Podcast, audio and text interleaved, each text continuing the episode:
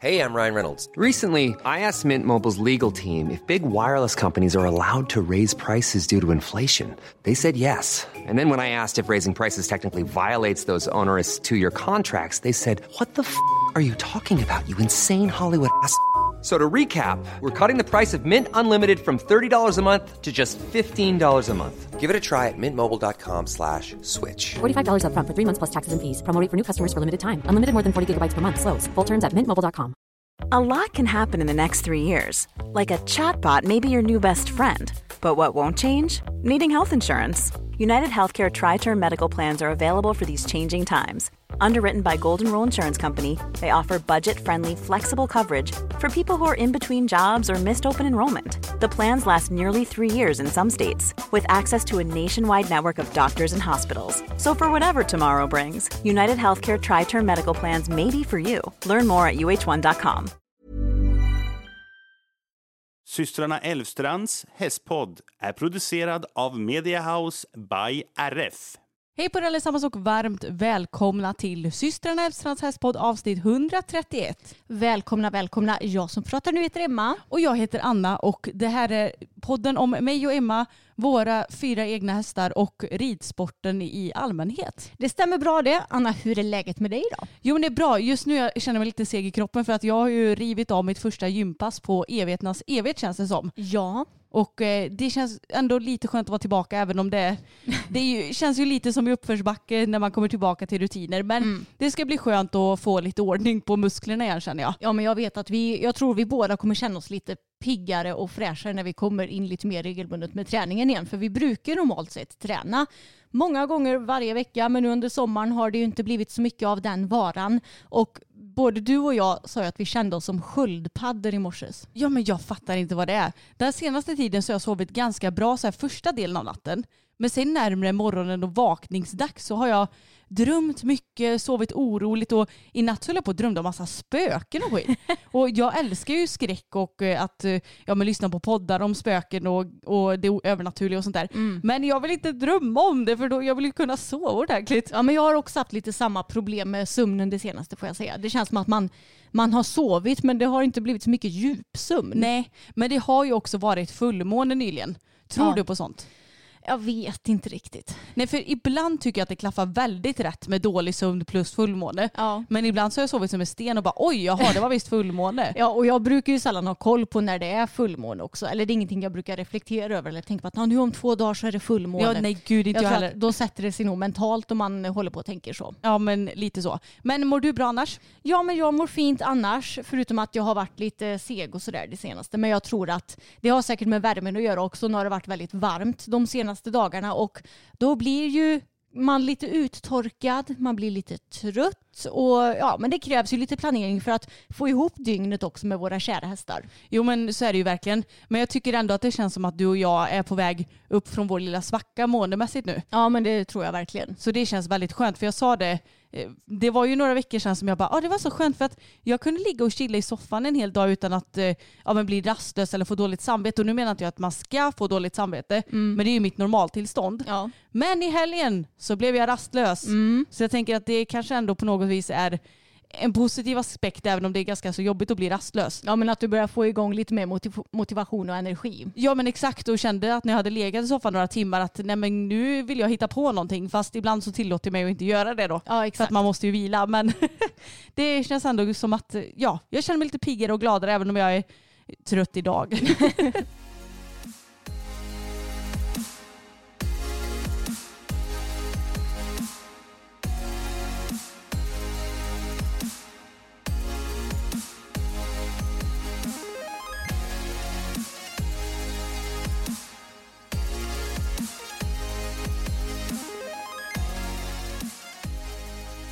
Okej, men jag tänker att vi kan ju inte börja med något annat än vår, vårt kära svenska landslag i hoppning. Nej. Herregud vilka prestationer. Ja, verkligen. Nu ska vi ta och köta VM här du och Jana, för vi har ju tittat en hel del på VM. Ja, jag har typ inte missat någonting tänkte jag säga. Nej, nästan inte. Och om vi börjar med hoppningen då, så kan man ju konstatera att du och jag hade ju fel när vi skulle förutspå hur det gick förra veckan. Tack och lov. Men jag Tack tror att det handlar lite om att vi vågar inte jinxa någonting. Nej, så kan det visserligen vara. För jag gissade ju brons så du fjärde plats. Men det var ju helt fel utan de presterade ju helt sjukt bra det svenska laget. Ja, och ja, jag tänkte säga, visste du det? Men det är kanske är någon lyssnare som inte vet om det här att det är ju ingen historiskt sett som någonsin har lyckats ligga på första plats efter första dagen, alltså på guldposition, och hålla det hela mästerskapet igenom. I ett VM. Mm. För att annars har det alltid varit att, ja men jag tror till och med de nämnde att ja, de som har legat på medaljplats i början, de, de tar inte ens medaljer sen. Nej. Så att det är ju historiskt, dels att Sverige ens har tagit en guld-VM-medalj Ja. i lag, men också att de legat på guldposition hela VMet igenom. Mm. Och dessutom att de vann så himla överlägset också. De hade haft råd med två rivningar till. Ja, det är helt galet och jag tycker också att det är så fint att hela laget var med och presterade också. Det var ju eh, ibland någon som, ja men Malin ströks någon gång och Peder ströks någon gång och det var så här, det är fint att alla kan få med, vara med och bidra liksom. Och jag tyckte det som nästan var allra roligast var ju att få se Jens Fredriksson i laget tycker jag. Ja, ja, han har verkligen presterat eh, otroligt bra. Och jag tyckte det var så kul för jag vet att innan VM när ehm, Ja, men innan själva tävlingen hade börjat och det visade sig att Henrik Anka-Kron hade tagit ut Jens till laget och Rolf-Göran som reserv. Jag följer ju både Jens och Rolf-Göran på sociala medier och då såg jag att folk hade kommenterat eh, ja, men väldigt mycket på både Facebook och Instagram att Roffe skulle ridit istället för Jens. och de att de tyckte det var fel val. Ja men precis och att de även hade kommenterat det på Roffes sociala medier. Men han var ju väldigt proffsig och svarade att, ja, men att han tyckte att det var ett bra val och att Henrik Anka-Krona vet vad han gör och att, ja, men att det var ett rättvist val och att han skulle vara där och stötta dem och sådär.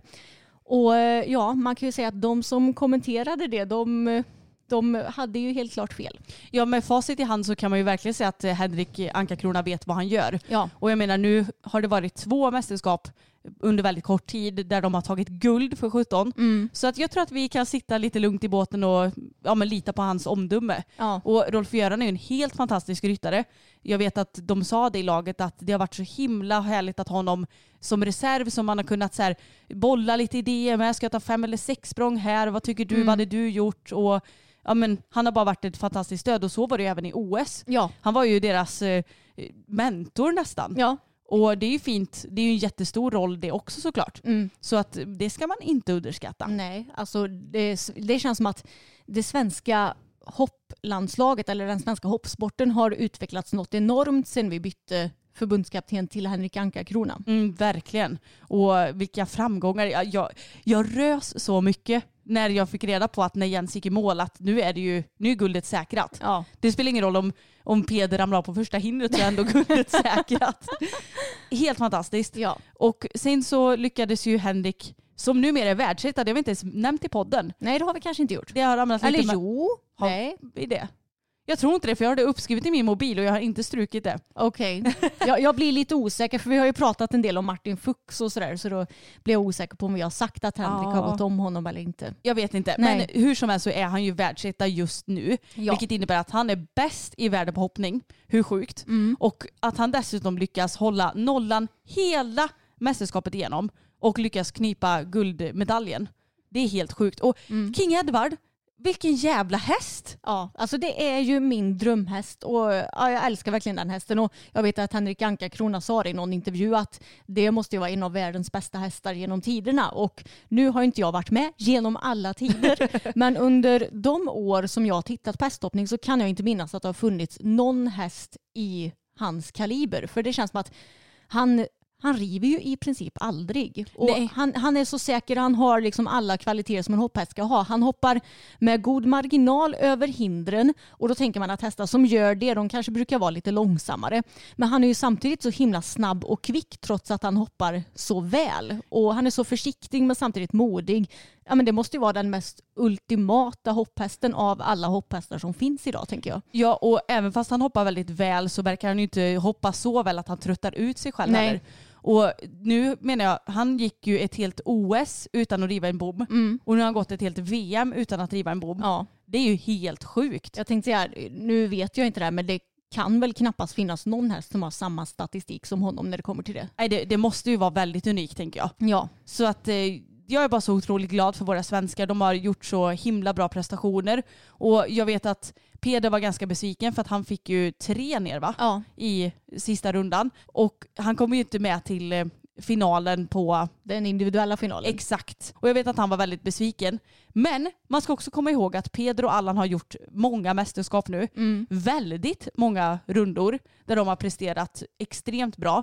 Någon gång måste det ju tabba sig tänker jag. Ja, Och det ser, jag vet inte, det är, det är lätt att glömma bort att alltså våra svenska stjärnor kan också göra lite fel ibland. precis. Och är det inte så att Allan är den enda hästen någonsin som har sex mästerskapsmedaljer? Jag tror det. Vill jag minnas att jag läste på Peders Instagram. Och hur gammal är Allan nu? 16. Ja, så det kanske var hans sista mästerskap. Ja, vem vet. Ja. Det, det, Han ser ju otroligt fräsch Ja, ut så det skulle inte förvåna mig om han går något år till. Alltså. Nej, exakt. Men det är om Peder kanske vill ta upp någon annan häst istället också. Ja, precis. Det ska ju finnas eh, påläggskalvar också. Exakt. Men eh, har det varit några ryttare som du tycker stuckit ut under VMet förutom våra svenska stjärnor? Ja, men jag tycker ju att eh, ja, men om vi ska ta topp tre på det individuella så vann ju Henrik. Tvåa kom Jerome Gery ifrån Belgien och trea Michael van der Vleuten från Nederländerna. Och jag har ju blivit lite kär i Jerome Gerys häst. Ja, den är ju helt fantastisk. Ja, nu ska vi se, vad heter den nu igen? Quel homme de mus. Något sånt där. Ja. De har ju så krångliga namn. Jag blir så imponerad varje gång som eh, Anna-Maria heter de va? Mm. Eller heter de bara Maria? Ja, det, det har ju varit två olika som har kommenterat. Ja men Maria heter nog den som har varit eh, senast. Mm. Som bara helt självsäkert bara nämner alla de här namnen. Och jag bara, hur, hur kan du veta att man uttalar det sådär? Ja, Men ja, den är ju helt det, fantastisk. det och har han ju ju också sett jättefint ut verkligen. jättefint. Har inte han också varit felfri i alla runder? Vad jag vill minnas. Jo det kanske han Jag har varit. det. Nej, men så otroligt fin. Det känns som att det är en häst som är lite större i modellen och som ändå är väldigt försiktig, hoppar väldigt väl, inte tappar energin trots att den har gått många runder. Också en otroligt fin häst. Ja, jag håller verkligen med. Och jag måste säga att någon som rider så otroligt fint och väl, det är ju Marcus Ening. Ja, Det ser så jävla enkelt ut rättare sagt när han rider. Det ser ut som att han bara sitter där med mjuka skänklar och händer och bara lotsar runt sin häst så himla fint. Och sånt tycker jag är väldigt inspirerande att se. Men sen så blev jag faktiskt glad av en händelse också. Och det är ju lite knäppt. Jag reagerar på det själv, att det är en grej som man ska bli glad av. ja. Men eh, det var Brian Mogger, nu vet jag inte hur man uttalar hans namn riktigt, men Mogger. Jag, jag, när jag skulle skriva ner hans namn så råkade jag skriva Bogger och tänkte på Booger som i Snorkråka. Snorkråka. Men Mogger heter han. Hans häst, den blev nog lite skrämd tror jag. Han skulle vända upp från ett hinder till ett annat. Och då så, den segrade ganska högt några gånger och eh, ja men det blev en ganska dramatisk situation. Alltså ursäkta mig men så kul att du har skrivit upp det här för jag har skrivit upp samma sak i min mobil. Är du seriös? Mm. Såg du det här? Ja. Var inte det när du låg ute och sola? Nej, jag, Nej. nej. det var det inte. Okej, men hästen den blev skrämd och stegrade ett par gånger. Mm. Och det var så skönt att se för att många gånger på den här nivån tycker jag att man ser att ryttaren blir förbannad, skickar sporrarna rätt i magen, gärna en liten rundslag på stjärten och så iväg igen. Men han bara lugnt, fint väntade ut situationen, svängde runt Mm. och sen bara tog sig an hindret igen jättelugnt. Klappade hästen hur mycket som helst efter rundan. Mm. Ja. För han var ju han var felfri på hinder men det blev ju såklart Många fel. många fel eftersom att hästen vägrade inom citationstecken på hinder och så blir det tidsfel. ja. Men han var så himla bara lugn och hästen såg ändå nöjd ut. Han lotsade den så fint trots att den blev lite skrämd för tillfället. ja, precis. Ping till Martin Fuchs. Så här kan man också lösa en situation. Exakt. och det är också som sagt tråkigt att man ska behöva bli glad och imponerad av en sån grej. Ja. Eh, Men det är ju just för att man ser mycket hård ridning tycker jag. Ja. Så jag vill verkligen trycka på att man kan bete sig bra Ja, även fast precis. det händer saker. ja. Och Ben Mayer kommer ju precis utanför pallen. Mm. Han rider ju alltid väldigt bra.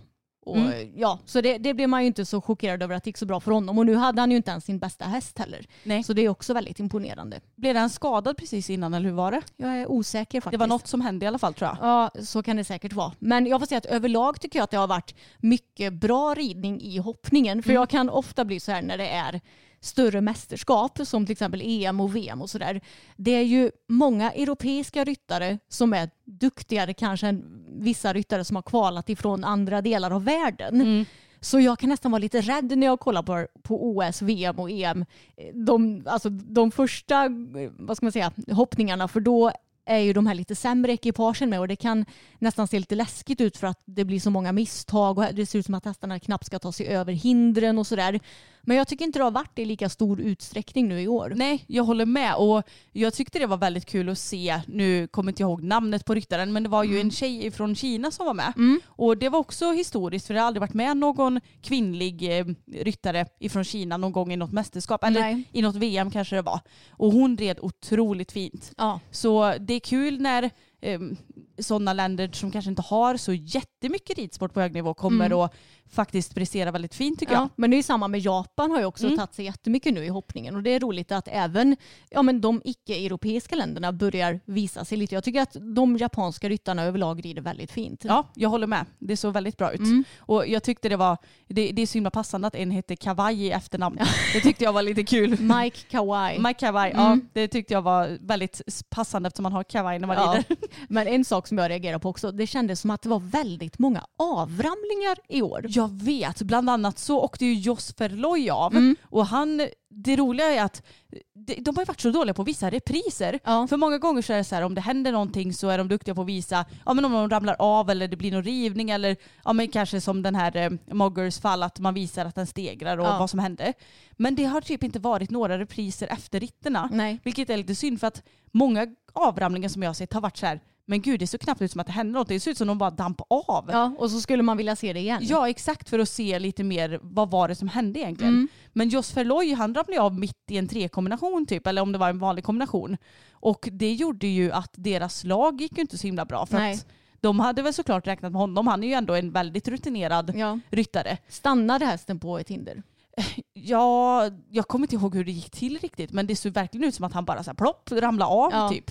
Ja, jag kommer inte ihåg vad som hände. Nej. Det kanske kommer upp på typ någon YouTube-kanal eller någonting som Ja, man får kolla lite mer. Exakt. Det är tråkigt att de inte har visat repriser för det är ingen ryttare som har skadat sig. Nej och det handlar ju inte om att man vill sitta där och skratta åt att de trillar av Nej. utan jag vill mer bara se vad var det, Vad som, var det som hände, hände? Exakt. rent analytiskt Mm. liksom.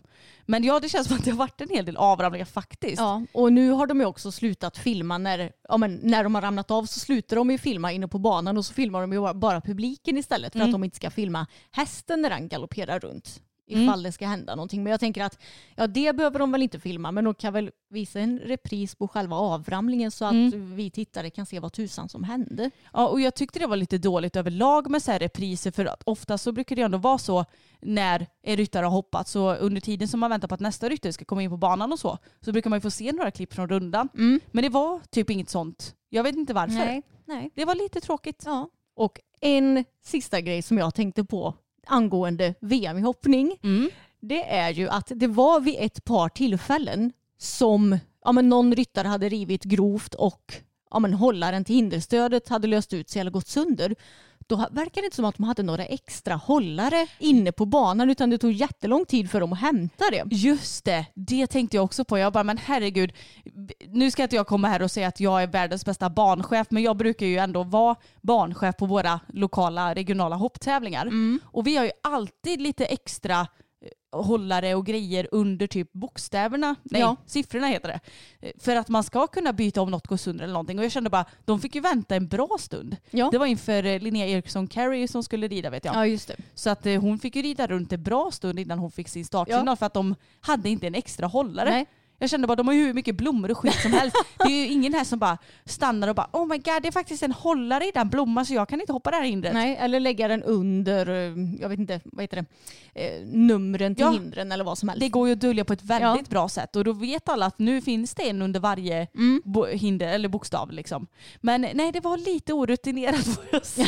Ja, jag håller med. Och sen så tänkte jag också på det, det var ju faktiskt en gång som publiken buade lite åt en ryttare. Ja, det såg inte jag tyvärr. Nej, och nu kommer jag inte ihåg vilken ryttare det är. Det spelar ju ingen större roll. Nej. Men det var en ryttare som använde spöet väldigt, väldigt kraftigt på sin häst. Nu kommer jag inte ihåg om det var inför vattnet eller något sånt där. Ja. Och den gjorde verkligen flera rundslag. Ja. Hade den tävlat i Sverige så hade den ju blivit kanske avstängd till och med på, med omedelbar verkan. Ja. Men eh, ja, FEI är ju inte riktigt lika samma. Så att eh, publiken de blev lite så här, eller buade, men de ropade liksom lite så här! Oh, ja. Ni förstår vad jag menar. Och jag tyckte nästan det var lite bra. Ja. Markera lite att eh, vad håller du på med? ja. För att det känns lite som att om inte FBI slår slag i saken att eh, sätta lite gränser så får väl publiken visa sitt missnöje. Ja, men det är ju skönt att gemene man håller med om att så där behandlar man inte en häst. Nej jag tyckte det var riktigt tråkigt att se faktiskt. Ja, Varför ska man över det till varje pris? Jag fattar att det är ett stort mästerskap och att man vill prestera men om hästen inte vill, vad, vad håller Mm. du på med då? precis. Okej, men då går vi över lite till dressyren också. Vi behöver inte bli jättelångrandiga. Men eh, vi har ju pratat lite om lagtävlingen för den hann ju avslutas innan vårt förra Yes. avsnitt. Vad tyckte du om de individuella prestationerna från ryttarna? Jo men det var ganska kul att se. Jag har ändå tittat på mer dressyr än vad jag trodde att jag skulle Mm. göra nu i år. Jag har ju sett de ryttarna i toppen och sen lite blandat Mm. skulle jag säga. Har du någon favorit?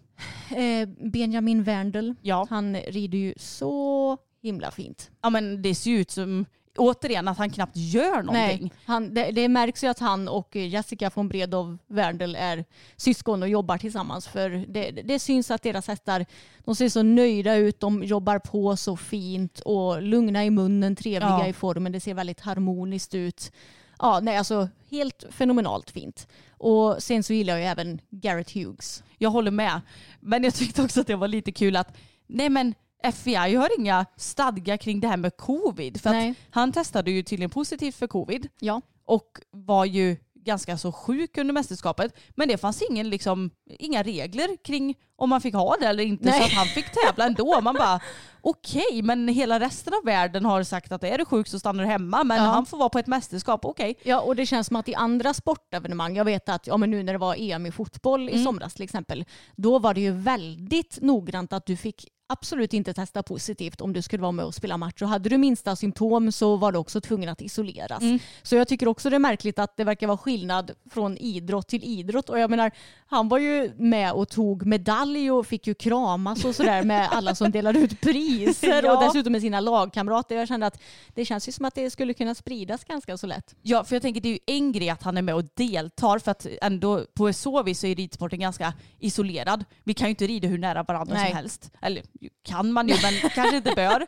Så att man är ändå lite i sin egen bubbla så sett. Ja. Men just det här med prisutdelningar som du säger, det är ju då det blir lite olämpligt. Men han rider också väldigt trevligt måste jag säga. Ja. Så att jag tyckte det var väldigt, väldigt fint. Och Ingrid Klimke är ju också en Ja. riktig stjärna. Verkligen. Herregud, och det är ju så himla fantastiskt att ha eller rida både mästerskap i fälttävlan och dressyr. Ja. För att det är så här, ja, men man kan tänka att ja, ja, men om hon är bra på fälttävlan då är hon bra på både dressyr, hoppning och fälttävlan. Jo, men det man glömmer bort är också att det är ju inte Grand Prix dressyr man rider i fälttävlans-VM. Liksom. Nu vet jag inte vilken nivå de rider på, det är ju antagligen ganska svåra program. Ja, kanske medelsvår eller något sånt där kan jag tänka mig. men det är ju inte, det är ju ganska många step upp till Grand Prix. Ja. Liksom. Så att, eh, jag tycker att hon är väldigt, eh, väldigt duktig. Och sen så tyckte jag också att man såg lite tråkiga former på hästarna. Inte just de vi har nämnt då. Nej. Men eh, och också väldigt, väldigt mycket gapande. Ja, det, det känns som att det alltid är väldigt mycket gapande och väldigt lite ganachefrihet också Mm.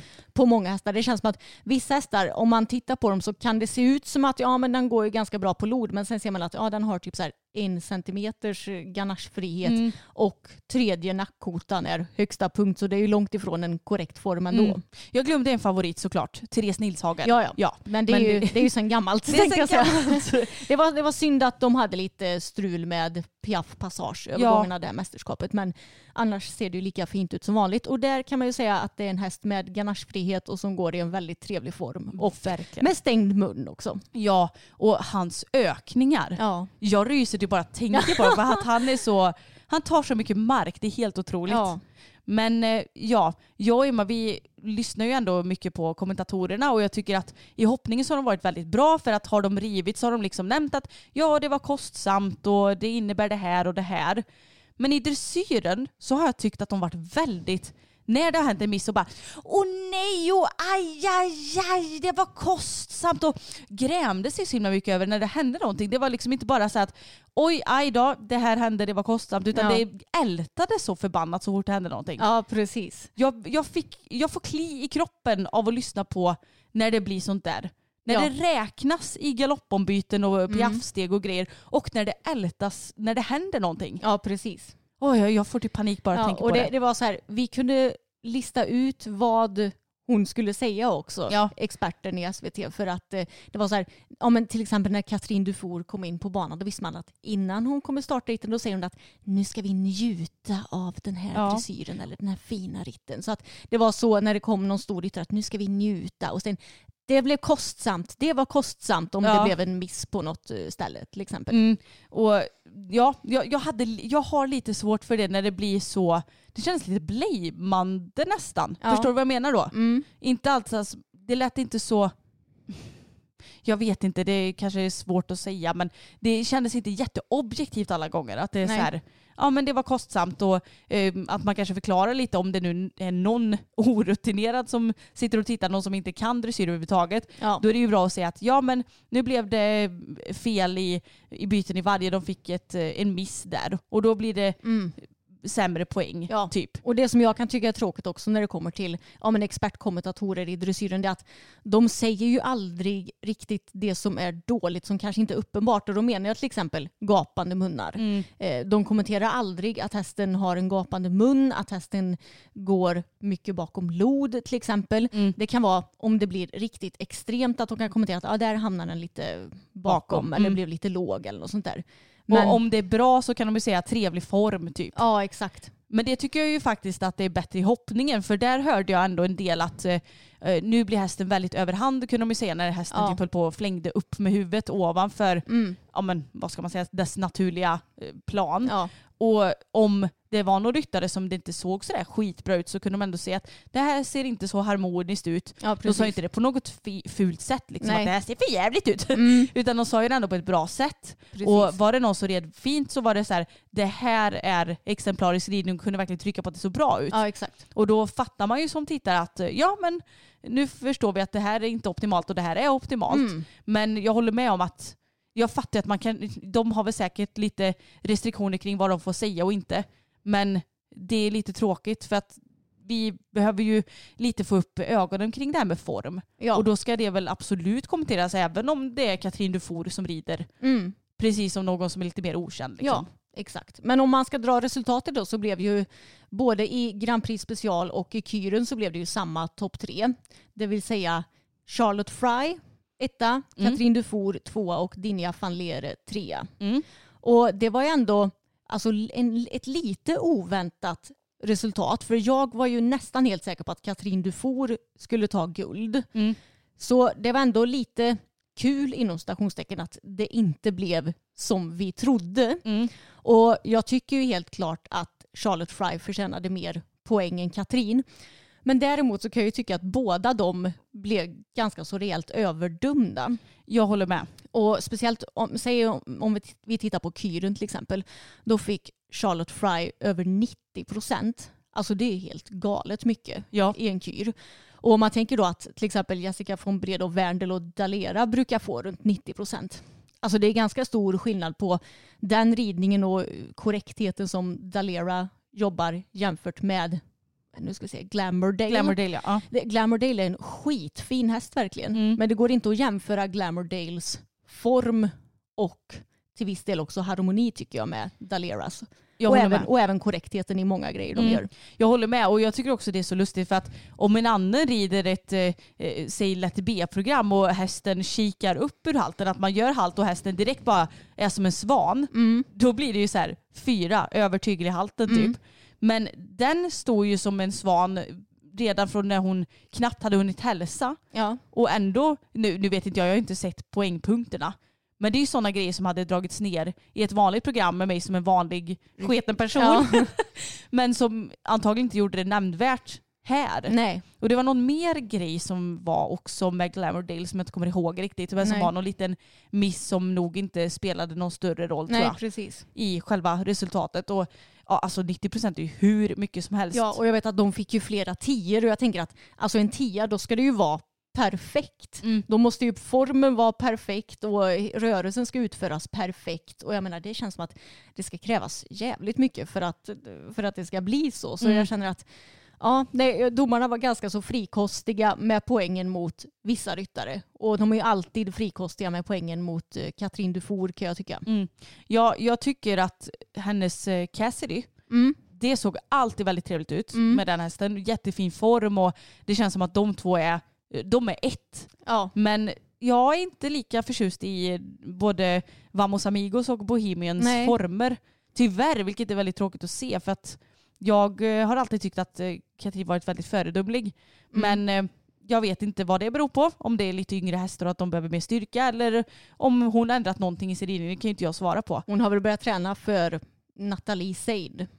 Jag vet inte när hon gjorde det, om det var eh, har varit de senaste åren. Mm. För det känns som att, ja men med Vamos och med Bohemian, jag tycker det ser så stelt ut och de går mycket bakom lod.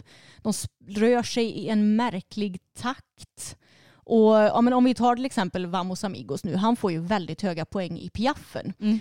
Och det känns som att han får det bara för att han står så still. Mm. Men han gör ju också många alltså, vad ska man säga, fundamentala misstag i piaffen som att han blir väldigt mycket bakom lod, han blir ganska låg i formen, han vaggar från sida till sida. Mm. Och om man läser i ja, men liksom FEIs stadgar hur en korrekt piaff ska vara så får ju en häst inte göra det här. Får inte vagga, får inte gå bakom lod. Nej men exakt. Mm. Och ändå så får han så höga poäng och jag känner att det, det, det är det här som jag tycker är så konstigt med bedömningssport. För det känns som att det finns ju en, eh, alltså en regelbok. Så Det här är positivt och det här Mm. ska Så dömas här ska bra. du döma. Precis, så här ska du döma. Men att domarna inte gör det ändå utan att de har hittat på något nästan själva hur de ska döma. Ja, och det känns som att det har säkert bara gått, du vet, med tiden så har det bara Mm. gått lite utanför de här reglerna och sen har det bara fallit på. Ja. Så nu är de ganska långt bort från alla de här regler. ja. Så jag tror ju tyvärr att det kommer ta lika lång tid att dra tillbaka till de här reglerna om det ens kommer att bli så. ja.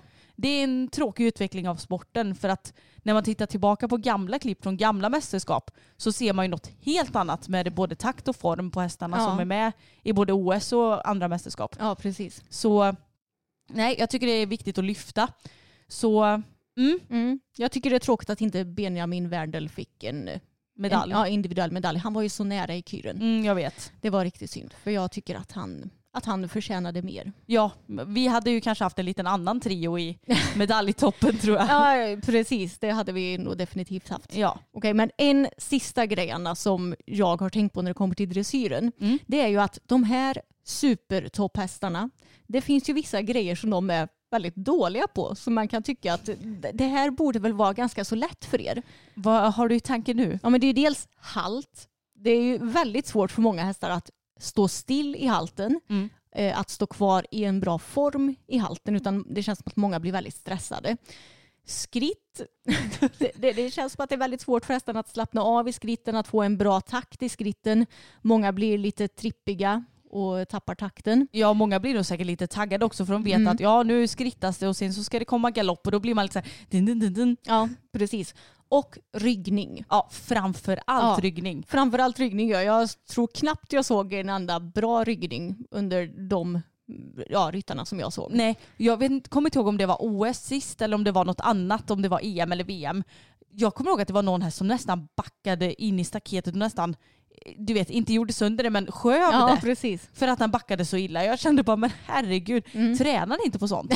För jag menar, det är ju ändå, i mästerskap så är det väl ungefär alltid samma upplägg. Att först så rider du en Grand Prix, Mm. en, sen en Grand Prix, Grand Prix special och Special. sen en kyr. Ja. Så jag menar, i första Grand Prix så är det ju ryggning. Ja, Det, det är ju så himla enkel grej att träna på också. ja. Det kan du göra även om hästen har världens mest chilldag och du bara ska ut och rida i skogen. Ja men gör Mm. lite ryggningar då. ja. Det är ju så himla enkel eh, grej att träna på. Ja, och jag menar att det här, de här tre grejerna som jag har nämnt nu, det är ju med redan ifrån lätta klasser i dressyr. Ja. Och det är ju sånt som egentligen alla hästar borde kunna. Alla hästar borde väl kunna göra en bra halt, kunna rygga och kunna skritta. Mm. Men ändå de hästarna som kan göra liksom piaff, passage, byten i varje, alltså allt sånt där svårt.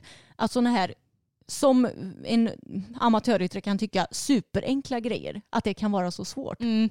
Men eh, jag vet att de har sagt det några gånger, nu var det inte det här mästerskapet just, men något annat mästerskap så vet jag när jag tänkte bara gud vilken fin skritt. Här ser man att den är ren, den är lugn, den är taktfast liksom. Ja, Då var jag hade nog velat se lite mer energi i skritten och jag Ja. känner bara, men då blir det ju sådär stressad och trippig. Ja, exakt. Det är det jag i alla fall inte vill ha. Nej. Sen så vet inte jag hur domarna tycker. De tycker ju säkert att de ska skritta lite snabbare för att ha lite mer energi. Men Ja. då blir det ju trippigt. Ja, precis. Det är det man inte vill ha Nej, jag. jag, jag tror inte att du och jag håller med domarna. eh, Någon gång. Nej, men, men också kanske framförallt när det kommer till skritt. För jag minns väldigt väl Mm. det, det, det ekipaget som du menar. Och eh, sen kommer det andra ekipaget. Det känns som att hästen alltså, är verkligen, verkligen på gränsen till att börja trava. Ja. Typ. Då Och bara, så- här ser vi en härlig energi. ja. Man bara, men den det ser stressad Ja. ut. Ja, nej, precis. Ja, vi har inte riktigt samma åsikter. Nej, det har vi inte alla gånger.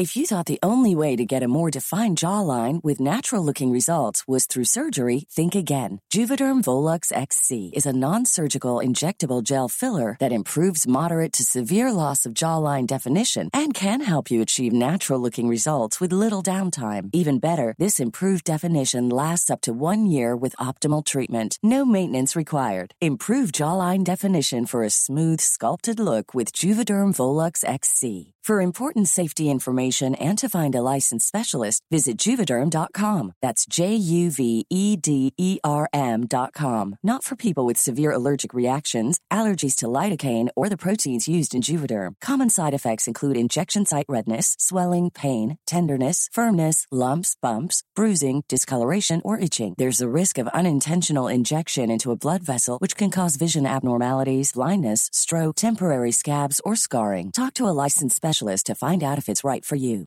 Ready to pop the question? The jewelers at BlueNile.com have got sparkle down to a science with beautiful lab grown diamonds worthy of your most brilliant moments. Their lab grown diamonds are independently graded and guaranteed identical to natural diamonds, and they're ready to ship to your door. Go to BlueNile.com and use promo code LISTEN to get $50 off your purchase of $500 or more. That's code LISTEN at BlueNile.com for $50 off. BlueNile.com code LISTEN.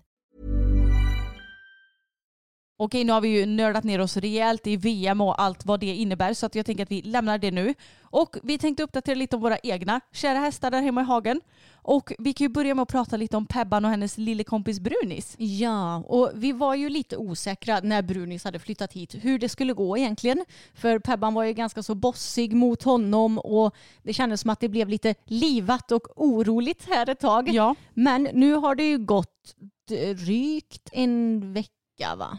En vecka till ja. Ja, precis. Och det har ju funkat hur bra som helst nu den senaste tiden. Ja men de börjar bli bättre kompisar, de Ja. kan äta ur samma höbinge och eh, de kanske inte står och kliar på varandra när vi inte är där. men om jag kliar Pebban så kliar hon ju med glädje Brunis. Ja. Och det tänker jag att det hade hon inte gjort om hon inte gillat honom. Nej. Så det går verkligen framåt med de där två.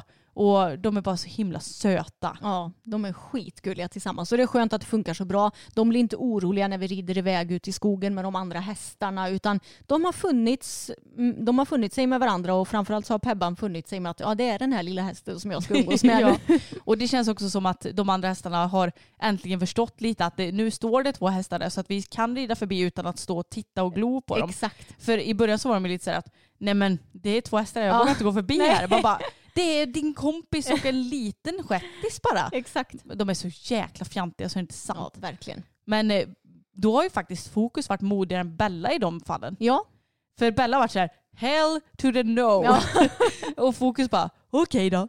ja det är lite sådana grejer hon kan reagera på. Det är ju sällan egentligen som hon är tittig och har sig. Men när det kommer till lite sådana konstigheter, ja, då kan hon vara lite fjantig ibland. Ja, det kan man säga. Och eh, Katago då, vår lille röding, honom har vi ju haft hela 15 år nu. Ja, det är helt galet. Vänta, blir det 12? Nej, 11. 12... ja. Vi la ju till och med upp på Instagram Ja, där vi hade haft honom. För vi, han fyller ju år antingen 11 eller 12 och så köpte vi honom antingen 11 eller 12. Ja, det är just det här som gör en så otroligt förvirrad. Ja. För att det är så mycket datum att hålla koll på. När man har fyra hästar och alla dess födelsedagar. Fyra dagar sedan la vi upp det här Emma. Nu ska vi se, vad blir det för datum då? Idag är det den 15 augusti. 14, 13, 12, 11. Ja. Mm. 11 augusti, då hade vi tagit, eller har, har vi haft Tage i 15 år. Mm. 15 år. Undrar om han tänker det där är 15 år för mycket. Han bara, när ska jag få komma till mitt nästa hem? Ja, precis. Nej, jag hoppas och tror att han trivs. Det tror jag verkligen att han gör. Och han har ju det lite chill. Vi har mest ridit ut och sådär med honom förra veckan. Han är Mm. pigg och glad. Han var väldigt pigg idag. Ja. Så det är alltid kul när han visar att han tycker att det är skoj. Mm. Och han har ju varit lite irriterad på flugorna, framförallt när han har stått i hagen och de har varit på honom på bakbenen. Han har liksom stått och stampat så Ja. himla irriterat. Och när Fokus hade mycket bekymmer med sina sår så hade jag förutom mina silverstrumpor så köpte jag ett par eller en uppsättning med så flug, fly boots, flug, ja vad fan ska man kalla det? Mm. Ja, typ- Flugbenskydd. Ja, flugbenskydd kan man Ja. säga. Och då tänkte jag att då får Tage prova dem och det verkar ändå som att han tyckte att det var ganska bra att ha dem. Ja. Men sen så är det ju så typiskt hästar för att då så sa jag till dig att du kan ta av dem på nätterna för att jag är lite nöjd att de ska få skav om de har på sig samma sak för länge. Så då tog du av dem på natten och så skulle jag på morgonen, samma dag som du skulle iväg och tävla, skulle jag ta på dem. Men då sa han, vad håller du i handen? Och så gick han iväg. Så då fick ju inte på honom dem. Nej. Det är så typiskt hästar att även fast de ändå tycker att någonting är bra för dem, typ som flugor och sånt Ja. där, nej då vägrar de ju ta på sig dem för att de tycker minst inte ta på sig dem. Nej, alltså den enda av våra hästar som vi kan gå fram och sätta på en flughuva i hagen på, det är Pebban. Ja. De andra tre, de vill inte ha på sig sina flughuvor, men sen är de irriterade när de inte har på sig dem. Ja och det är som fokus, han tar ju i princip aldrig av sig sin flughuva. Det är ju inte Tage heller. Men ändå så vägrar de att ta på sig dem när man kommer i hagen. De är så krångliga ibland. Ja, verkligen. Och på tal om det här med flugor så känns det som att det är ovanligt lite flugägg på hästarnas päls i år. Faktiskt, men det kanske inte riktigt har rullat igång med de där. Ja, men eller? alltså jag vill minnas att tidigare år att det har börjat komma i så slutet på juli, början av augusti. Och våra hästar har i princip inte haft ett enda ägg på sina ben. Nej, jag fick bara ta bort lite från Brunis. Ja, Men eh, ja, det kanske är ovanligt lite. Ja, det det känns ju inte som att vi överlag haft så mycket insekter i år. framförallt inte getingar. Ja, skönt för din del. Verkligen. Alltså den här sommaren har ju varit min tryggaste sommar någonsin skulle jag säga. Din drömsommar. Ja. Ja, faktiskt. Kan det vara så här varje sommar? det hade varit väldigt, väldigt skönt. Mm. Men okej, om vi ska prata om våra två bruna små stjärnor då. Så var ju vi på eh, dressyrträning i onsdags. Ja. Och då har vi lagt upp det så inför den här omgången nu att du rider först och sen så är det en lektion emellan oss och vi rider ju en halvtimme var. Så en halvtimmes paus mellan dig och mig. Och sen så rider jag. För att vi har ju än så länge inte skaffat någon till dressyrsadel eftersom att du gillade ju inte den som blev utprovad till dig och Bella. Vi får se när slash om vi skaffar en till dressyrsadel. Ja, Det vore ju skönt rent så. Jo. För att jag menar om vi vill tävla dressyr samtidigt någon gång så är det ganska så opraktiskt att ha samma sadel. Jo. Och typ sådana här tillfällen också. Men det, jag ser det som väldigt bra träning också. För att, eh, ja men du kan ju börja med att berätta om din träning med Bella. Ja, men när jag värmde upp så kändes hon lite brötig och lite överallt och ingenstans. Men när jag red för Johan sen, alltså hon, det känns som att hon går ju tusan bara bättre och bättre för varje träning för honom. Det känns som att det lossar grejer varje gång vi tränar för honom. Ska du dra standardcitatet? Hon blir bara bättre och bättre. bättre. Jajamän. Och nu har inte vi tränat på länge för Johan. Och jag har ju varit lite smått omotiverad till dressyren i sommar. Så jag har ju mest ridit ut och hoppat lite grann när jag har ridit på banan. Så jag sa att ja, vi kanske inte är helt i form. Men sen så visade det sig att hon var ju skitfin när jag fick lite hjälp av honom. Och vi red ju faktiskt lite byten för första gången för Johan. Jag har ju tränat en del på byten hemma och hon har ju blivit en riktig bytesqueen. Hon tycker att det är kul. Hon eh, vill nästan förekomma mig för att hon vet om vad som eh, sker. Mm. Men hon, det är så himla positivt med Bella för att jag har ju lite bekymret med fokus att jag känner ju typ inte om han byter rent eller orent. För att han är så himla mjuk i kroppen så att man Ja, men det är därför jag behöver så mycket hjälp av dig. Ja. För att jag har ingen aning än så länge. Jag hoppas att jag någon gång ska känna skillnad. Men med Bella så känns det ju jätteknepigt om hon byter orent. Ja, hon är mycket stötigare Mm. i sina rörelser än vad fokus är så det blir ju mycket enklare för mig att känna. Mm, verkligen. Så vi tränade även på lite byten och då var Johan väldigt noggrann med att hon var tvungen att vara helt lösgjord innan bytena, att hon skulle gå i en ordentlig form innan bytena. Och det bekymret som jag har just nu med Bella att hon vill ju gå lite som en banan i vänster varv. Det vill säga att hon vill skjuta in rumpan. Och det som jag gör egentligen för att korrigera det, det är att jag ska höja min vänstra hand, alltså innerhanden. Mm. Delvis det. Så att hon ska rätta ut sig lite med innersidan istället för att Ja. du ska trycka ut rumpan eller? Ja men precis. Mm. Och med ordentlig form menar du att blir hon lite för öppen innan Ja. byten annars? Ja men eller? precis. Mm. Uppen tappar lite ryggen och hela den här fina linjen som man vill ha Mm. genom överlinjen. Så det är det jag ska tänka på att jag har en rak och i form innan bytena. Och ja men alltså det gick jättebra. Hon gjorde flera rena byten och jag märker att bara jag är rätt i min timing så byter ju hon rent varje gång. Ja, och det måste kännas väldigt kul för jag menar, du har ju aldrig lärt en häst byten. Nej. Men Bella kunde ju inga byten när du köpte henne. Hon kunde Nej. ju inte ens göra det när ni hoppade. Nej. Du fick ju bryta av till trav och ratta Ja. galoppen för att hon var ju ganska grön när vi köpte henne. Ja, hon var en femårig stor liten bebis som inte hade varit riden så himla länge Mm. och hade helt enkelt inte styrkan för att kunna byta galopp. Mm. Men sen så har ju det bara kommit rent naturligt. Jag menar i hoppningen då blir det ju så naturligt att byter du varv så byter du galopp. Mm. Det vet ju hästarna. Men nu har jag ju börjat lite mer med dressyrbyten att jag ska sitta ner i sadeln, rida i dressyrsadeln och verkligen sitta kvar i sadeln i själva bytet också för annars så, så tycker jag att det känns lättare att byta galopp när man står upp i lätt sits. Så är det ju. Det känns Mm. ju också mer naturligt för oss som inte har gjort så här värsta seriösa dressyrresan. Nej, men precis. Men hon tar det här så bra. Hon är ju så himla lättlärd den hästen så det är Ja. inga problem. Det är löjligt vad lättlärd hon är. Och Johan sa också att hon har aldrig galopperat så bra som hon gör nu. Mm. Så det är roligt. Och hon var också väldigt fin och framme för skänken. Ja men det var ju en superträning för er Ja. verkligen. Och under tiden som du och Bella tränade så stod ju fokus på transporten. För att jag försöker då lära honom att man kan stå lugnt och sansat på transporten och vänta tills det är ens tur att komma ut. Och han hade bara lite hö och sitt eget sällskap. Han var ju såklart lite stressad märkte jag för han hade både kissat och bajsat där inne. Men han gjorde det ändå ganska bra. Jag hörde att han gnäggade några gånger. Men ja, sen så skulle vi lasta ur honom. Vi hade ju Sillan till hjälp också för hon var och hälsade på en sväng i onsdags. Och då fick hon tränsa honom och jag sa det, akta dig för hans huvud för han blir lite stökig när han är lite stressad. Så hon fick eh, vara lite försiktig. Men sen så när vi hade kommit in i ridhuset och vi sadlade om, vi tog ju din och Bellas sadel och sådär, så skrittade jag några varv och satt upp och jag märkte att han var lite, han blev nästan lite spicy av att eh, ha stått och väntat. Men det är ju första gången som han står och väntar nu när vi har tagit ut en annan häst. Jag tror han stod i kanske 40 minuter i Ja, transporten. ja, så ungefär. länge har han ju absolut aldrig stått. Nej, och han pallade det. Och jag tror att jag är ju lite mjäkig med min häst ibland. Vilket jag måste inse att jag är lite så här, nej men lilla gubben ska du stå här själv? Nej men du kanske hellre vill stå här i ridhuset och vänta. Ja, precis. Jag måste, jag måste bli lite mer tuff mot mig själv. För att jag tänker att för hans del, det löser väl sig till slut. Ja. Men jag blir lite så här, jag tycker det är jobbigt att han är stressad. Ja. För att jag vet ju själv att jag tycker inte det är någon rolig känsla att vara stressad. Nej. Eller orolig. Men Liksom. han kommer ju aldrig vänja sig heller om han aldrig blir utsatt för det som är lite jobbigt. Exakt. Och jag vill ju ändå att du och jag ska kunna åka på samma tävlingar så småningom. Ja. För att hade vi kunnat göra det då hade jag ju lätt kunnat ta med mig fokus på hopptävlingen i, som var i lördags. Precis. Men eh, ja, det är en bit i taget tänker jag. Men han gjorde det ändå ganska bra. Och sen så nu väl började rida själva träningen så kände jag också att han, han kändes lite okoncentrerad.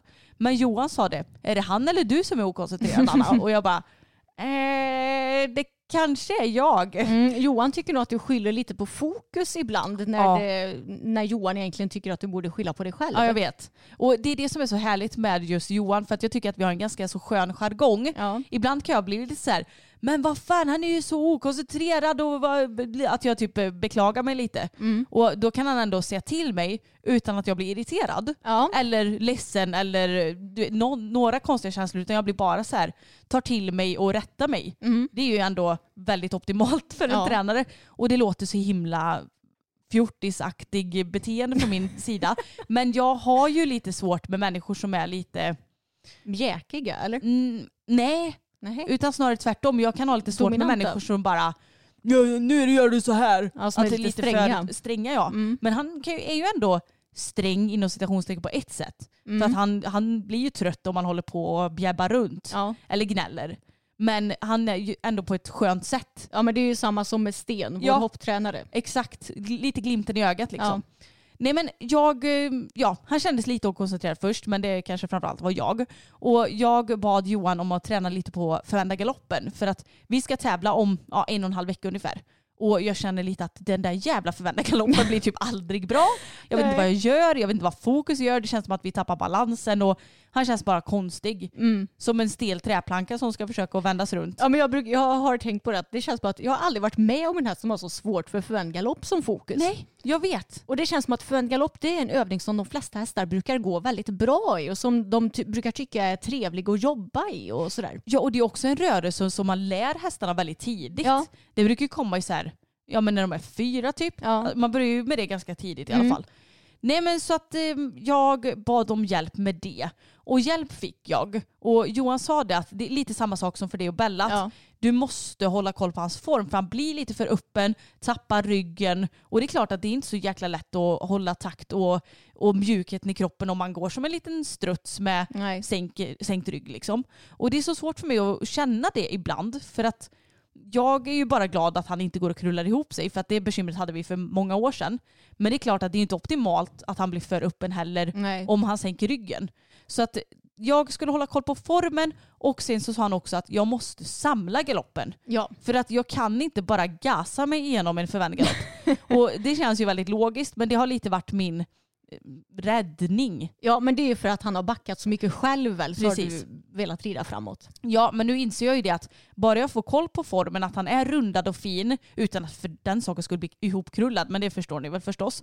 Och att jag samlar galoppen så att han hinner med allting. Då blev det ju hur bra som helst. Ja, han såg jättefin ut. Han gjorde så jäkla bra förvänd galopp Ja. plötsligt. Så att jag, nu är det ju bara det att jag ska försöka applicera det på tävling också. Ja. Så det är ju inte lika lätt då Nej. förstås. Men jag ska göra mitt bästa verkligen. Och framförallt, jag tror att det, det viktigaste för mig är att försöka få koll på formen. Ja. För jag tänker att tempot, ja, och det är väl inte hela världen om det inte går vägen. Men nu, jag sa det till Johan att vi har, eller jag har framförallt inte så bra självförtroende just i den förvända nu. När det har tabbat sig så många gånger. Nej. Så han sa det att nej men självförtroende får du skita i för att det är ingen som bryr sig om vad du har för självförtroende. Nej. Jag bara, det är faktiskt hårt men sant. Alltså det hade varit så intressant att se hur det hade gått om Johan hade ridit fokus på en tävling. Ja, jag kanske ska fråga honom om han kan göra det någon Ja men varför inte? För jag menar som sagt du har ju fått lite dåligt självförtroende nu för att du vet att han har blivit spänd på banan, han har tappat bjudningen på banan och ni har fått missar. Men jag menar Johan har ju aldrig varit med om det här. Han har ju inga förväntningar alls. Så det, Väldigt kan, sant. det kanske hade gått skitbra. Ja, jag, jag kan ju faktiskt fråga honom. Ja, det du hade varit väldigt du intressant. får lägga fram förslaget för han är ju väldigt duktig Johan. Så det hade varit eh, kul att se. Mm, jag håller med. Mm. Men sen så fick vi också träna lite på diagonalslutor. Just det. Och det roliga var att Johan sa, när vi hade fått igenom den förvända galoppen och nöjde oss med det, så sa han ja men då kan du ta trav då och så, och så kör vi lite slutor. Och jag bara jajamensan. Då tänkte jag att vi ska väl göra slutor som vi brukar göra dem, på fyrkanten för det är ju det som jag gör när jag tävlar. Mm. Och han bara ja och så vänder du från M till H eller vad det nu blir för bokstav. Och jag bara "Vä- vänta va? Ska vi göra diagonalsluta menar du? Han bara ja. Jag bara men hur gör man det då? men alltså jag vet inte ens hur jag ska förklara hur man gör en diagonalsluta. Nej. Kan du det Ma? Ja, alltså jag har ju ridit diagonalsluta men jag vet ju inte om jag rider korrekt. Nej men grejen är att jag har ju alltid varit så här, vad är ens en diagonalsluta? Men för det känns snarare som att man går i skänkelvikning fast med hästen ställd åt färdriktningen tänkte jag säga. Mm. Ja exakt. Och det är ju lite så det är. Men Johan sa det att jag ska ställa ordentligt i hörnet Mm. så att jag verkligen får med mig hans ja, men, Böjdhet. böjdhet. Ja. Och sen så sa han bara flyt med. Och jag bara okej. Men det gick ändå helt okej till slut. Ja. Fokus han reagerar ju nästan alltid lite så när det är något nytt att han blir lite, lite segare. Ja. Men det är liksom inget konstigt och det är inget jag känner mig stressad över. Men jag tycker det är så kul när vi får prova på lite svårare saker. Ja. Och vi gjorde det både i trav och lite galopp va? Eller gjorde vi det? jo men jag tror det. Mm. Så det kändes ändå kul att få prova på det för att det kommer ju sen så småningom. Precis. Och något som jag tyckte var väldigt kul det var att Johan sa att eh, Fokus har styrkan för att gå Sankt Georg som det ser ut nu. Ja. Men eh, han och du har inte koncentrationen för det än så länge. så jag bara nej det håller jag med om. Men Ja. det är ändå kul för att jag tycker ofta att man rider sin häst och tänker att jag har ingen aning om vad han pallar typ. Nej. Kan du känna så ibland också? Eh, nej, jag tror nog att du kanske är lite mer övertänkande än vad jag är. Ja för jag, jag är sån här, jag vet inte hur vältränad häst jag har. Nej. Det, jag tycker det är svårt att veta. Ja. För att han kan ju inte berätta själv vad han tycker är jobbigt och inte. Nej. Utan, ja, så att jag blev lite glad när han sa så för att Ja. då vet jag ändå att han är ändå är ganska så vältränad Mm. så sett. Sen så kan vi såklart inte alla rörelser, man menar mer styrkemässigt. Ja Liksom. men precis. Och jag och Bellsan var ju iväg och tävlade i helgen också i Falköping. Det var varmt som tusan. Det var ju en av de varmaste dagarna den här sommaren skulle jag tro. Men jag var taggad ändå. Jag eh, red fram i t-shirt och sen klämde jag på mig kavajen precis innan start för jag tänkte att nej nu är Anna med och fotar. och hade, då hade jag satt ihop en fin outfit. Jag tänkte att nu... Jag hade faktiskt ja, valt. Du hade valt ja. Kornblå kavaj och kornblått schabrak. Då kände jag att jag måste ju verkligen komplettera den här outfiten så att det blir fina bilder. Mm. Och sen vet jag om att att rida med kavaj i två minuter är ingenting som jag kommer dö av eller det kommer inte påverka min prestation heller. Nej men det här är ju faktiskt lite kul för att det var ju inte så länge sedan som de införde att man får, om överdomaren tillåter på tävling, välja om man vill ha kavaj eller inte på dressyrtävling. För innan så har det ju varit så att det spelar ingen roll hur varmt det är, vart solen står någonstans, så är det kavaj som gäller. Och det är också lite lustigt för jag tycker att hoppning är såklart väldigt krävande.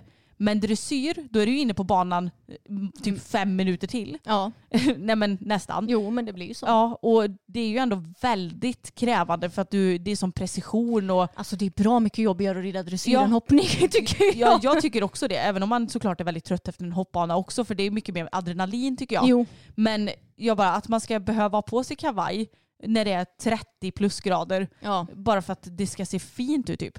Men i hoppning så har man ju, då får man ju välja om överdomaren säger så. Ja. Men nu får man det i dressyr också. Ja, det hade jag knappt koll på att man Nej, fick. Men då det, vet du det. Ja, då vet jag det. Men i alla fall, Bella hon kändes fin på framridningen. Jag hade ju lite bekymmer med henne förra tävlingen att jag inte tyckte att hon var riktigt framme för skänken. Jag tyckte faktiskt att det kändes mycket bättre både på framridningen, framhoppningen och inne på banan idag. Mm. Så det var kul, eller idag, jag menar på den tävlingen. Du lever dig tillbaka här nu. Ja, verkligen. Nej, men det kändes faktiskt mycket bättre så det var kul trots att det var varmare än på förra tävlingen. Så jag märkte att Bella blev ju absolut inte påverkad av värmen. Framhoppningen kändes bra, speciellt i början. Sen så blev vi tyvärr ja, i princip påridna av ett ekipage som inte fick styrt eller stopp på sin häst. Mm. Och då hamnade de i Bellas rumpa och efter det så blev Bella lite mer avvaktande och spänd skulle jag säga. Mm. För hon tyckte att det var obehagligt. Men eh, ja, in på banan red vi då sen och lyckades ju då riva första hindret. Ja, det är ju alltid tråkigt. Ja, och jag tyckte ändå att jag hade en bra galopp. Jag kom fint på hindret. Jag, tyckte, jag tycker nästan att Bella får ta på sig den rivningen för hon var, kändes lite ofokuserad. Men det- hon kändes lite ofokuserad överlag efter den här incidenten på framhoppningen. Eh, Så hon kändes lite ofokuserad i början på banan. Hinder nummer två hoppar hon jättefint. Sen rider jag som en putta skit till hinder nummer tre.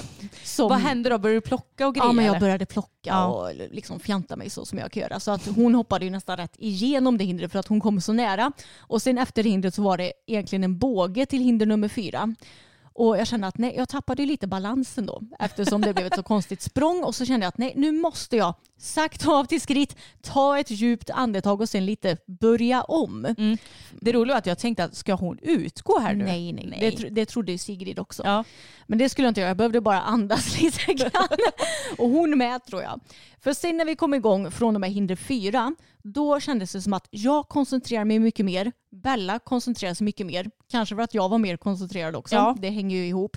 Men då fick vi skitbra flyt resten av banan. Hon hoppade så fint på alla hinder. Jättefint i kombinationen. Man ser ju på de bilderna som du har fotat att hon är väldigt bra luft till hindren. Mm. Så man kan säga att första delen av banan så var jag väldigt missnöjd. Den glömmer vi. Den glömmer vi. Men majoriteten av banan är jag väldigt nöjd med. Mm. Och det är ju så härligt att jag tror inte att du hade sett det så om det varit för flera år sedan. Nej. Då hade du nog bara fy fan vad dåligt och vi fick ett dåligt resultat för det landade väl på 15 fel va? Ja, ingen aning. Och jag tror det. Tre, två rivningar, en vägran som du styrde undan Mm. och sen några tidsfel på det.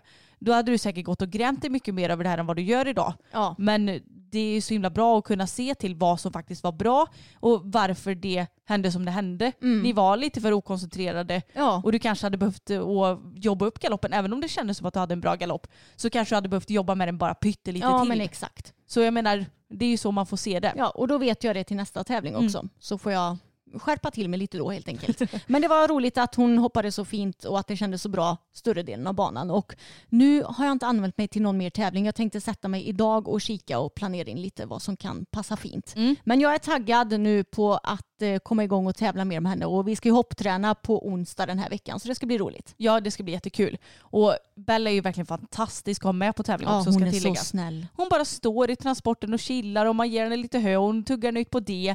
Och jag måste ge lite beröm till vår transport också. Ja. För att jag, vi har ju köpt ett Umeå B60.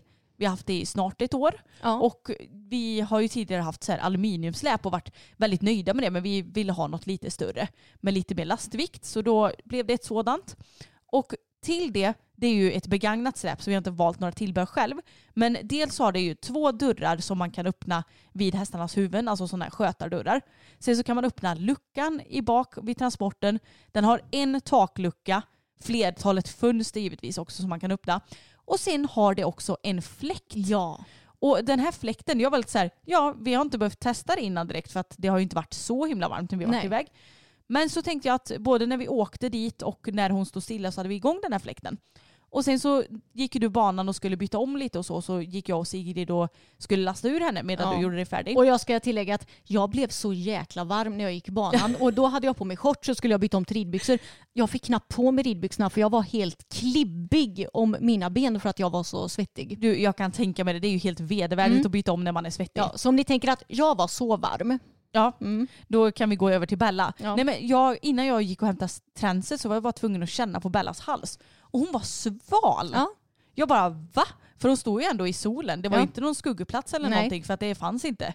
Men jag blev helt chockad. Jag bara hon är helt sval. Så hon stod ju där och hade det hur gött som helst i transporten. Det var kanske därför hon var så pigg och glad. Ja men det är ju skitbra när det finns sådana här lösningar för att det är ju det är ju så att bilar och transporter de är ju liksom inte jättemycket isolering på för att då hade man typ kunnat lasta en shettis i transporten. Så att det är klart att det blir ganska varmt på sommaren och det blir lite kallt på vintern. Men eh, nej, jag är så imponerad över den där lilla fläkten faktiskt. Som eh, gjorde att Bella kunde prestera. Eftersom jag och du har varit lite trötta nu på morgonen så har vi också en tendens att bli lite överdrivet flummiga.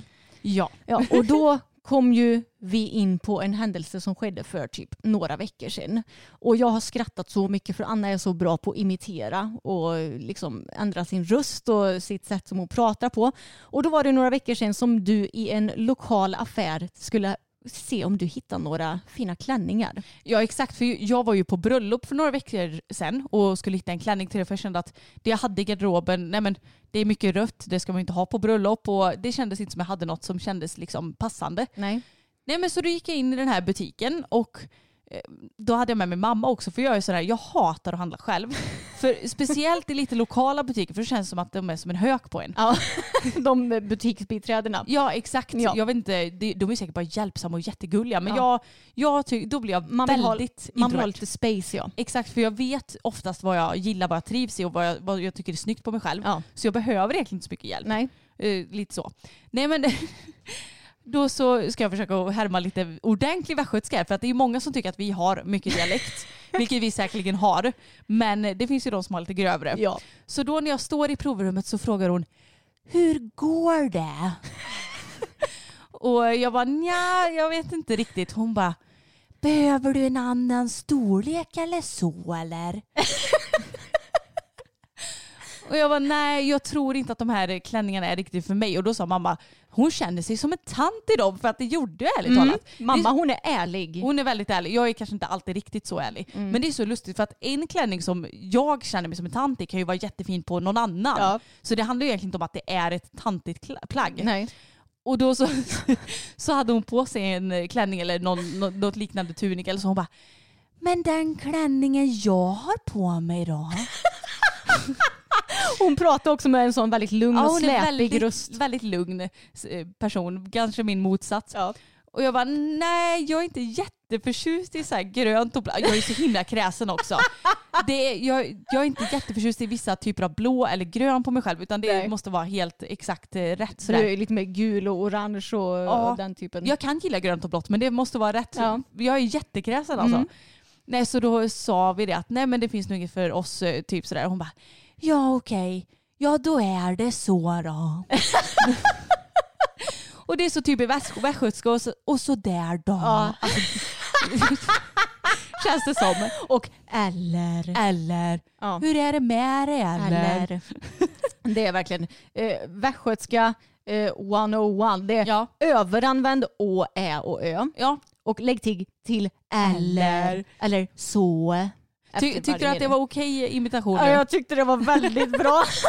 jag tycker det är så roligt. Jag säger då det, i mitt nästa liv så ska jag bli skådespelerska. Ja, du är faktiskt väldigt bra på det. Du, du får nog träna lite på andra dialekter för jag vet att du Ja. har ju lite svårt Vi gjorde en Youtube-video för skitlänge sedan. Mm. Där vi, vi skulle läsa ur en bok och så gjorde vi så här dialekt-challenge. Mm. Så skulle vi typ läsa en liten bit och så bara, ah, nu ska du ta norrländska, nu Mm. ska du ta småländska.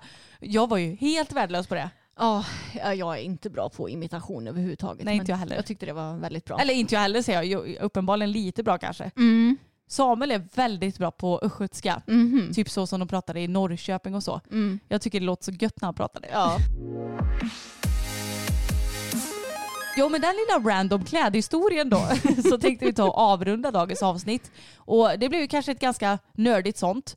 Och jag hoppas att även om man kanske inte har varit så flitig med att följa VM att man ändå ja, men, tycker att det är lite kul med lite ja, men insikter från dig och mig. Lite så. Ja, jag hoppas det också. Och det har var- varit eh, en väldigt rolig vecka nu att eh, ha följt VM. Det känns som att man har nästan fått lägga lite av sitt andra liv på is bara för att ha koll på allting. Och jag är så avundsjuk på alla som var där nu när svenskarna tog guld. Vi hade ju ett gäng kompisar som var där till exempel. Ja och grejen att jag och Emma var lite inne på att vi skulle åka på VM. Ja. Men vi orkade bara inte. Nej. Eftersom vi har mått ganska dåligt så har vi varit så här, orka fixa med logistik, åka dit och biljetter. Nej, Mm. vi skiter i det. Och jag, jag, nu, nu kanske jag låter lite negativ här, men jag, tror, jag ser det bra i det också. Man ser ju faktiskt betydligt både bättre och bekvämare hemma från soffan. Det är faktiskt sant. Men ärligt talat, ibland när man sitter på Göteborg Horse Show och bara längtat så här i ett år efter nästa gång, så sitter man på så här plaststolar där man får träsmak i röven efter två sekunder.